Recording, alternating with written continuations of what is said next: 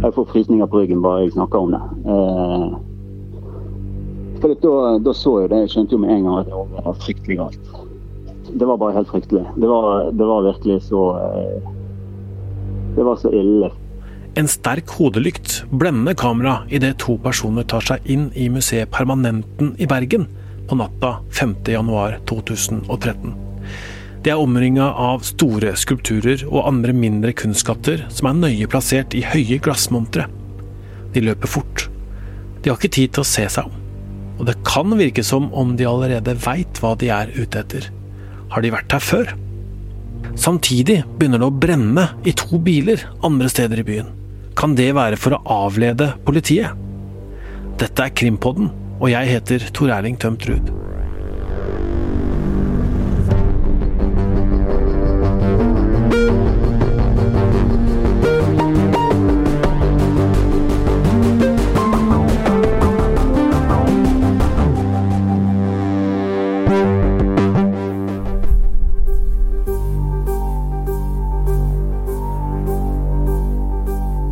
Brannvesenet rykker ut i full mundur i den mørke bergensnatta.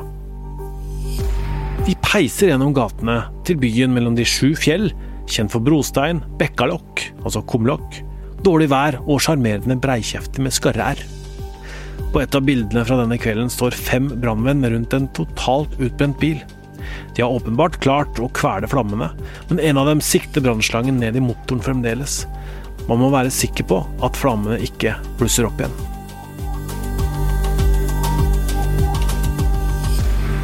I museet knuser en av mennene glasset i en av montrene med uvurderlige kunnskaper fra Kina.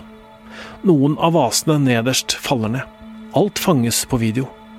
De virker så målretta at det nesten er rart å se på. De plukker dem forsiktig ut.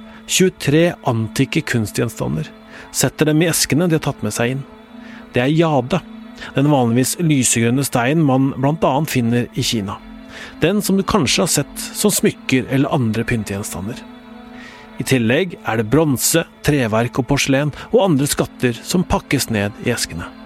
Så bærer de dem raskt ut. Hvorfor blei akkurat disse gjenstandene stjålet? Hvem bestilte dette tyveriet, og hvor er kunsten nå? Kanskje kan en app hjelpe til i jakten på de forsvunne skattene.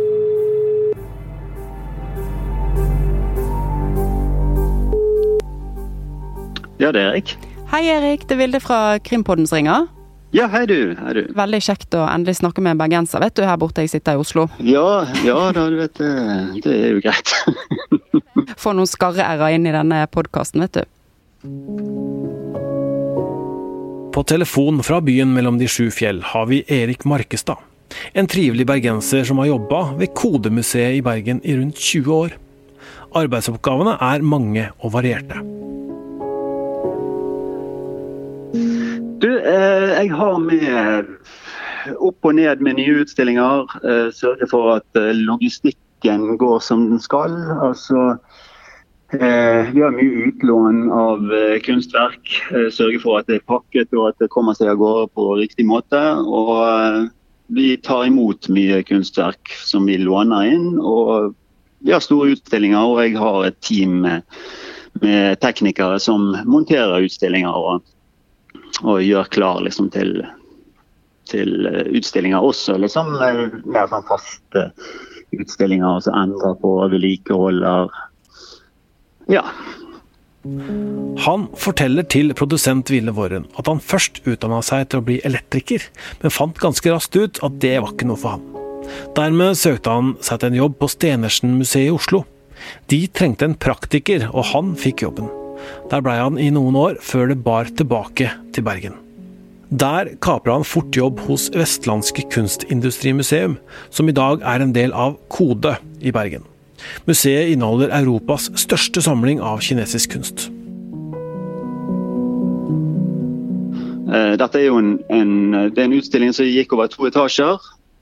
Du du en første, hadde en første etasje med store skulpturer, masse glassmontre med eh, keramikk. Eh, kinesisk keramikk. Uh, og Det er liksom en slags sånn åpen, nesten som en luftegård, kan du si. Uh, med overlys, glasstak. Og inni denne Kina-samlingen eller utstillingen så har vi også en, har vi også en mezzanin-etasje. Som inneholder Der var det kinesiske drakter, litt mindre ting. Jade, små jadefigurer. også en del keramikk, en del treskulpturer og sånt. I 2010 skjedde det noe som Erik husker svært godt. Ja, Det, det husker jeg ganske godt. For, at, for der altså det var vel i, det var rundt juletid der i 2010. Uh, og En kollega ringte til meg og lurte på om jeg holdt på med noe i bakgården. For Vi har et, som, som nevnt en, et slags sånn overlys, uh, altså et glasstak ned i denne kinasamlingen. Og der fra fjerde-femte etasje i museet så, så, ser man ned på dette glasstaket. Og Hun ringte til meg og lurte på om jeg holdt på med noe på bakplassen. For det er en sånn stige som stakk opp der. Og jeg løp opp til kontoret hennes, hvor hun hadde utsikt rett ut, og, og, så den stigen stikke opp av glasstaket. Og da Jeg får frysninger på ryggen bare jeg snakker om det. Eh, for da, da, så jeg det. Jeg skjønte jo med en gang at det var fryktelig galt. Eh, og så åpnet jeg døren, og det hadde snødd den natten. Så jeg bare kikket ut, og så så jeg fotsporene, og jeg så den gigantiske glasstakdelen som var da løftet ut og lagt ved siden av glasstaket. Og så, så jeg gikk ikke ut på bakplassen, for jeg tenkte at her var det jo spor og sånt. Og så gikk vi en etasje under ned til mesanin-etasjen i kinasamlingen og bare åpnet døren, og da var det bare glass overalt. Og det var, alt var knust, liksom.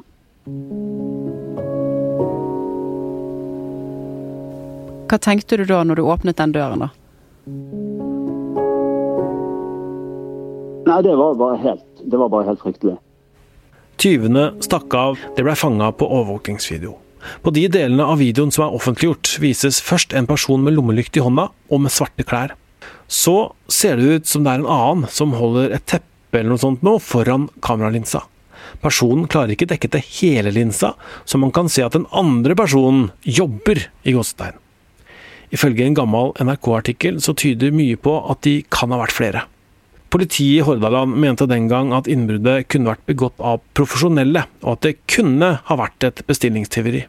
Saken ble henlagt. I 2013 skjer det igjen. To biler begynner å brenne i Bergen, brannvesenet rykker ut, og to innbruddstyver tar seg inn i Kinasamlinga på museet der Erik jobber. Også denne gangen så blir det fanga på overvåkningskamera. 2013, det var, eh, der fikk jeg vel en telefon tidlig om morgenen Eh, jeg lurer på om det var fra han som da var eh, sikkerhetssjef og sa det at nå eh, har det vært innbrudd i Kinaskanningen. Og jeg brukte vel kanskje knappe ti minutter å komme ned på, ned på jobb. Og da var det jo fullt av politi og, og sperringer. Og, og jeg skjønte jo fort hva, hva som hadde skjedd. da.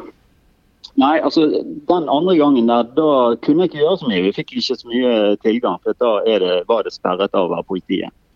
Uh, det jeg uh, kunne gjøre, det var å få kommet meg inn på, på videoovervåkningen. Og da liksom å håpe at alt hadde funket som det skulle. så jeg gikk, gikk tilbake igjen og gjorde alt funket som det skulle. Det var, alt var tatt eh, opptak av, altså det var tatt opptak av innbruddet. Hva var det du så på overvåkningsvideoen? Nei, da, da, da, så du jo da så du noen som altså De, de kom jo via nabobygget. Så det jeg så, det var vel ja, Nå husker jeg ikke helt om det var to mann som kom inn og knuste vinduet som Altså, vi, vi deler en bakvegg med et kontorbygg. Og eh, den bakveggen består bl.a. av eh, en glassfasade. Og Der ser du da eh, at det kommer noen menn inn med et, noe som så ut som et stort spett. Som de slo gjennom vinduet. Altså De slo gjentatte ganger langs kanten rundt vinduet. Og så, så de løp inn med kvasser. Og så begynte de å knuse glassmontrene eh, som står inne i kinasamlingen. Og eh, plukke ut vaser og sånt og putte ned i kassen. Og det var veldig sånn tydelig at, at, dette var, at det var forberedt. Det var Kassene hadde rom til disse her eh, forskjellige eh, krukkene og sånt. Så, så, det var liksom bare smukk nedi. Og så var de ute igjen på jeg tror det var ett og et halvt minutt eller noe sånt. Ja, så på ett og et halvt minutt så forsvant 23 skatter fra museet med en verdi på litt over 4 millioner kroner i 2013. I rettssaken kom det fram at tyvene hadde vært i Bergen flere ganger og rekognosert. Det kom fram at de hadde vært i museumsbygningen og i nabobygget. Ved en anledning var også den ukjente oppdragsgiveren med og viste to av dem museet. De var nøye med å ikke bruke mobiltelefon under turene. Daværende museumsdirektør Erlend Høyersten blei intervjua i pressen kort tid etter. Her fra Dagsrevyen på NRK. Det er gjenstander i jade, bronse, treverk og eh, porselen bl.a. Vi blir jo noe fattigere som kulturnasjon når denne type ting eh, forsvinner og ikke kommer tilbake. Det sier jo kanskje noe om et, et marked som er veldig interessert i kinesiske antikviteter. De siste par årene så har jo prisene på denne type gjenstander blitt femdoblet. Gjenstandene er borte. Men hva om det fins et håp om å finne dem igjen? I forbindelse med en annen sak vi jobba med, så dukka disse gjenstandene opp i en database, som kanskje kan bidra til å finne dem. Bilder av de forsvunne gjenstandene går nemlig verden rundt i en app som er laga av politiet. Jeg har jobbet med kunst eh, som tema i ja, hva skal vi si, har ikke telt 15 år, kanskje. Ja. Noe sånt. Eh, sånn direkte, i hvert fall. sånn så det begynner jo å bli en del år.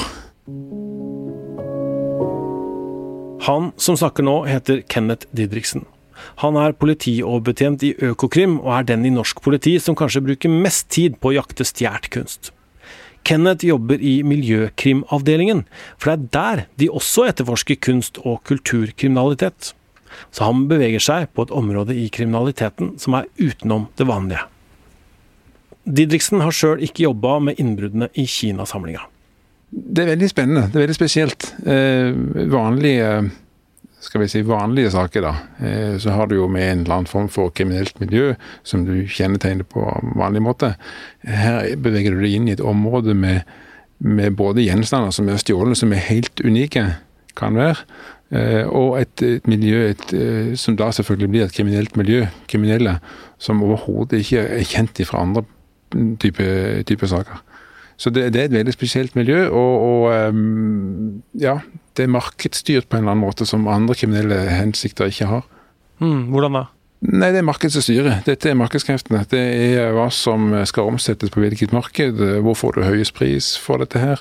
Hva er det som er hot, og hva som er not, som de sier. Her sitter du med ting som, øh, som gjennom flere generasjoner har gått fra eier til eier. Og så blir det bare mer verdt. Og så kan det ikke spores, og så er det kanskje muligheten for at det er falskt. Eh, og det kan brukes til veldig mange forskjellige måter med betaling eller pressmiddel. Og, ja. Omsetning av kunst kan være en del av kriminell virksomhet. F.eks. hvis du har fått tak i masse penger svart, så kan du kjøpe kunst for det. Kunsten blir oppbevart et lurt sted, et lager eller et hvelv, så kan det bli solgt eller flytta, og pengene du får tilbake er da på vei til å bli hvitvaska. Ellers har du gjort en tjeneste for noen, en alvorlig kriminell tjeneste, så kan du få betaling i kunst, som jo har en verdi som du på et tidspunkt kan realisere. Hvis du har sett den siste sesongen av Exit, så driver de med det der. Det er veldig forbudt. Det der eh, med at eh, kunst blir brukt som eh, en verdi, ikke sant. Hvis du gjør en illegal tjeneste, og så får du det som betaling, du må oppbevare det. ikke sant? Du har det der som en gullbare, da. ikke sant? Du, du har den. Eh, hvordan Har dere noen eksempler på, eller har dere oppdaga noe sånt noen gang? Ja, altså vi har jo for ikke så veldig lenge siden, ikke vi da, men lokalt politi der det, der det skjedde de eh, hadde jo en ransaking hos en kjent kriminell, og han hadde jo veldig mye kunst i kjelleren. Eh, som, som, skulle da brukes antakeligvis til å betale tjenester eller, eller andre ting. så de blir brukt, for all del, det gjør det. så det, det får vi bekrefta ganske jevnt. For å få tilbake kunstskattene er politiet også avhengig av tips fra deg og meg. En app som heter ID Art er nemlig satt inn i kampen mot det svarte kunstmarkedet. ID Art er laga av Interpol og kan lastes ned på telefonen din. Der finner du oversikt over stjålet kunst fra hele verden. Og søker du på Norge, eller Norway, så dukker de kinesiske gjenstandene fra tyveriet i Bergen opp. Skal vi se, da går vi inn på ID Art. Search Country Skal vi se med på en alltid langt å scrolle til N. Norway. 64 objekter. Der, vet du. Man on horseback. Figur av en uh, mann som sitter på en uh, hest. Fra Munte-kolleksjonen, ja. Det er den som ble stjålet i Bergen. Det er flere der, da. En boks av lakk med Skal vi se Jade. Det er lagd av jade. To fantasifigurer med maling. Boksen er dekorert med flammer, drager og flaggermus. Ser du da den boksen der med med dekorasjoner, knuter og tau. Og der er det en drage.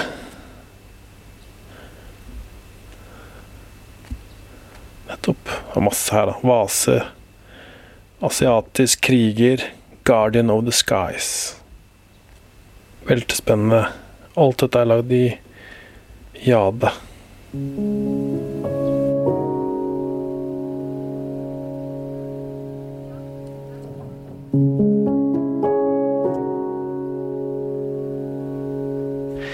Ved å vise bilder av denne forsvunne kunsten i appen, så håper politiet at folk som plutselig observerer eller snubler borti kunst, sier fra til politiet.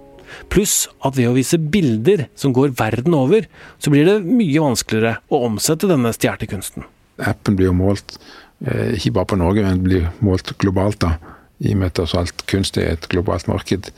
Så vi må ikke bare tenke Norge, vi må tenke generelt eh, globalt. Og så får vi se. Men jeg tror jeg har stor tro på at det kan fungere. Vi må snakke litt om det globale svarte markedet. For hvor stort er det egentlig? Det er visst ganske vanskelig å vite helt nøyaktig hvor mye penger det er snakk om. Men ifølge Unesco så omsatte det lovlige internasjonale kunstmarkedet for rundt 64 milliarder dollar i 2019. Det skrives i en rapport fra Art Market i 2020. Unesco mener at det svarte markedet for kunst og antikviteter har vokst seg gradvis større de siste åra. Bakgrunnen for dette er at det finnes villige kjøpere. Det er manglende lovgivning, og folk som jobber i den lovlige delen av bransjen, hjelper til med hvitvasking.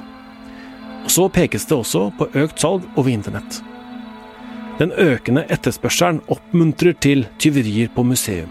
Plyndring av private og religiøse bygninger, og også plyndring av arkeologiske steder. Unesco peker særlig på den arabiske våren i 2011, og borgerkrigene som fulgte. Konfliktene gjorde det mulig for kriminelle grupper og også fattige mennesker i disse landene å tjene penger på antikviteter. Både Syria og Irak har blitt ramma av dette, men også regelrett ødeleggelser av kulturminner. Som da medlemmer av terrorgruppa IS sprengte det eldgamle tempelet Baal Shamin i Palmyra i Syria. Som en del av sin propaganda. De har tatt i bruk bulldosere, slegger og sprengstoff for å ødelegge flere arkeologiske storheter i disse landene. FNs sikkerhetsråd uttrykte tidlig bekymring for at terrorgruppa IS kunne finansiere krigføringa si ved å plyndre slike steder og selge gjenstandene videre. Men dette er ikke nytt, ifølge Didriksen. Veldig ofte, i hvert fall i de destabiliserte områdene i verden, enten det er naturkatastrofer, krig, eh, konflikt på en eller annen måte, så blir det veldig ofte plyndra kulturminner. Det skjer eh, nesten eh, klokkejevnt. Det, det, er bare, det er bare noe som skjer. Det skjer en plyndring av kulturminner. Eh, og de blir da solgt videre. Det skjedde ikke minst i denne krigen med IS og Syria og Irak. Da var det skikkelig gamle ting som ble, ble publisert ut. Eh, eh, og det hadde vært, en, det hadde vært et krafttak fra Interpol og Unesco og de for å jobbe imot. Så, men Norge er jo en rolle i dette her. Vi har et land med stor betalings... Både vilje og evne. Eh, sånn at vi er jo Vi må se hva som kommer inn.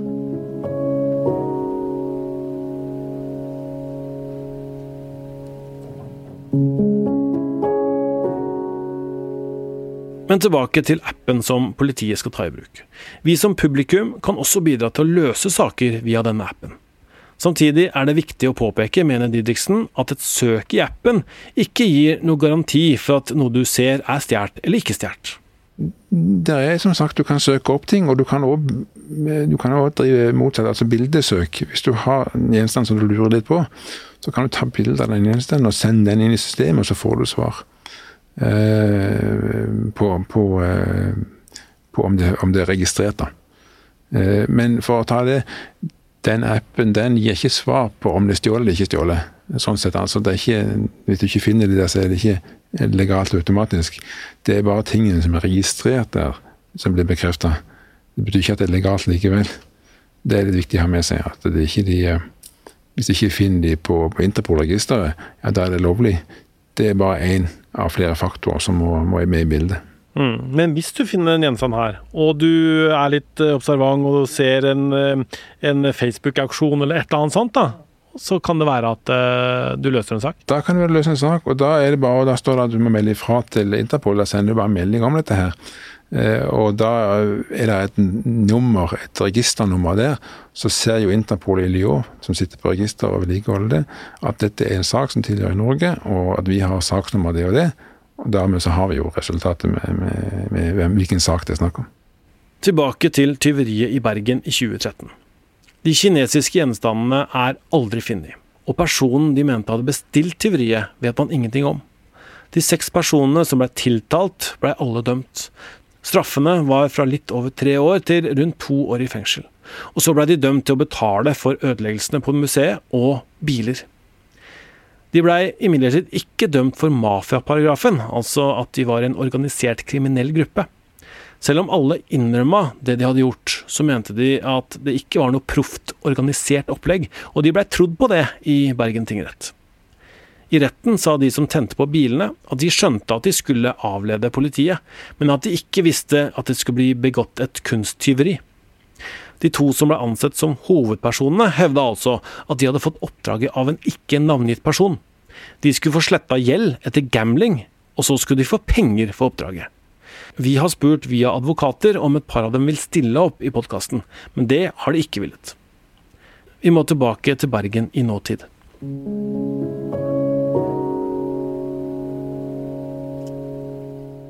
Jeg tenkte mye det samme som jeg hadde gjort et par år før. Eh, og det er liksom Altså Vi som museumsfolk liksom, vi bruker all vår tid på å ivareta gjenstandene. Prosjektleder Erik Markestad. Altså, det heter så fint at altså, vi, vi, skal ta vare på gjenstandene for evig tid. Eller lenge, så lenge det lar seg gjøre. Og da er det da, da er det veldig Altså, det er helt fryktelig å da se noen som bryter seg inn, knuser, ødelegger det som vi bruker så mye tid og krefter på å ivareta. Så det var eh, Det er mest sorg, da, jeg føler. Um, så, så Ja, nei, det, det, det var vondt. Rett og slett. Og, og hva, eh, altså, hva, snakket dere kollegaer om da, etter dette eh, tyveriet her, da? Nei, det, det, går jo mye frem og tilbake om dette med liksom, ja, sikkerheten vår. Og, og, altså sikkerheten ved museet. Og det er klart Det er jo en evig sånn kamp, det der med å Eller det er liksom det der med at vi skal være vi skal jo være mest mulig tilgjengelig for folket. Samtidig som vi vil helst barrikadere oss totalt for å unngå sånne ting som dette. Og det er klart All sikkerhet koster veldig mye penger. Og Det er jo gjerne sånn at, at det er først etter at ting skjer at, eh, at liksom, pengelommebøkene åpner seg. da. Uh, og det er klart Vi hadde gjort mye etter det første innbruddet, men, uh, men ikke nok.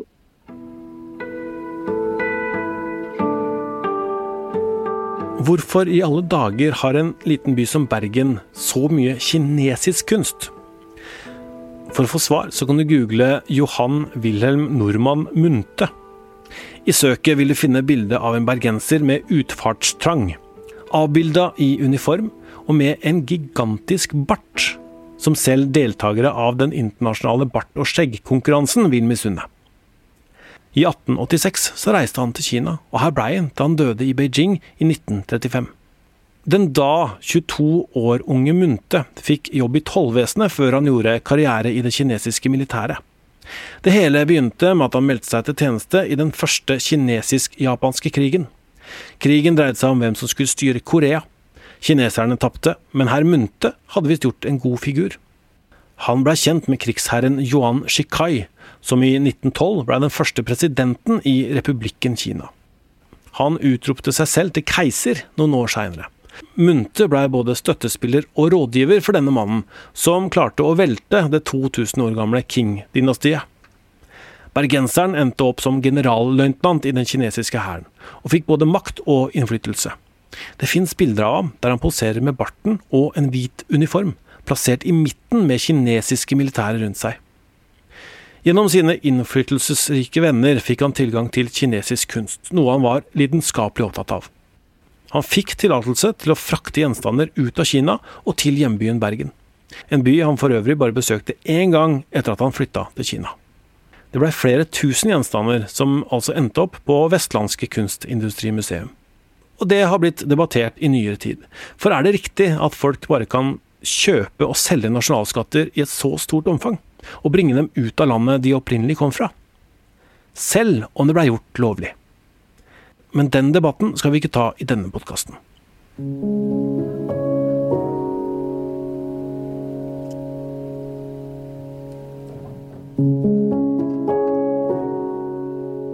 For Erik på museet er det lett å forklare hvorfor det er så viktig å ta vare på gjenstander fra fortums tid. Det handler jo liksom om at, at museene er en sånn, sånn felles hukommelse, liksom. Altså, de, de, de gjenstandene vi har, de er altså, Vi tenker ikke veldig mye verdi liksom, i hverdagen. Alt er verdifullt eh, og, skal tas vare på. Det er, det er liksom uerstattelig, alt, alt vi har. Det er iallfall sånn vi tenker på det. Og eh, så, det, så det, var, det, var, veldig vondt og sårt. Og det var liksom, jeg følte at folk hadde virkelig liksom trengt seg inn i det innerste og, og ødelagt. Her midt i lille Bergen, liksom. Ved første innbruddet så skjønte vi nok ikke hvor attraktiv kinesiske gjenstander er ute i verden. Men det er jo tydelig at det, det er det. Nei, altså man kan jo bare liksom gjette, liksom. Men, eh, men, om det kom til Kina eller, eller hvor det er, det, det, er ikke godt å si. Det har jeg ingen eh, Altså, jeg, jeg vet faktisk ikke. I retten kom det ikke fram hvorfor akkurat disse gjenstandene ble tatt, og hvem som bestilte tyveriet, er det holdt kjeft om. Har du noen forhåpninger om at det kanskje kan eh, bli funnet igjen og returnere til museet? Jeg håper jo alltid det. Mm. at, at, ting kommer tilbake igjen. Eh, for det er, det er viktige ting for oss.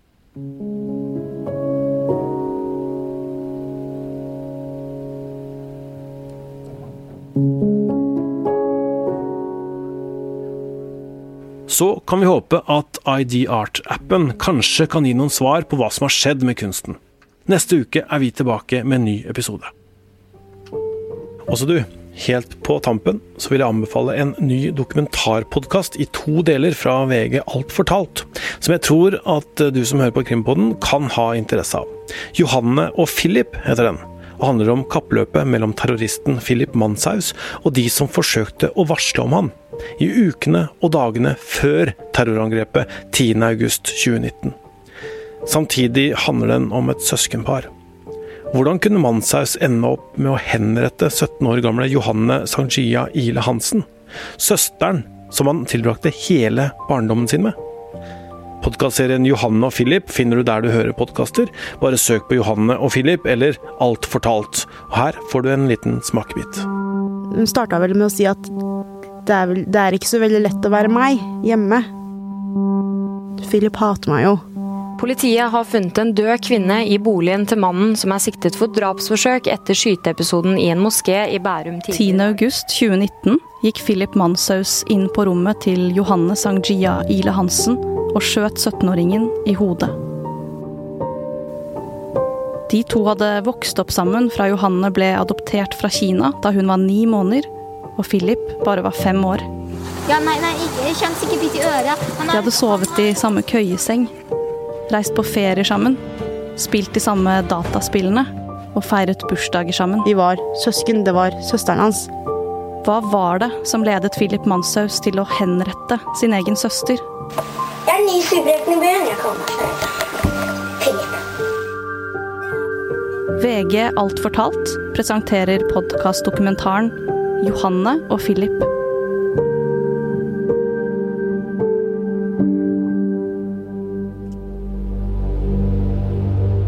Tips oss gjerne på mailadressen krimpodden at vg.no, eller meld deg inn i gruppa vår på Facebook. Produsent for Krimpodden er Vilde Våren. Jeg heter Tor Erling Tømt Ruud. Musikken vi bruker er laga av Ronny Furuvik og Epidemic Sound. Magne Antonsen er teknisk ansvarlig.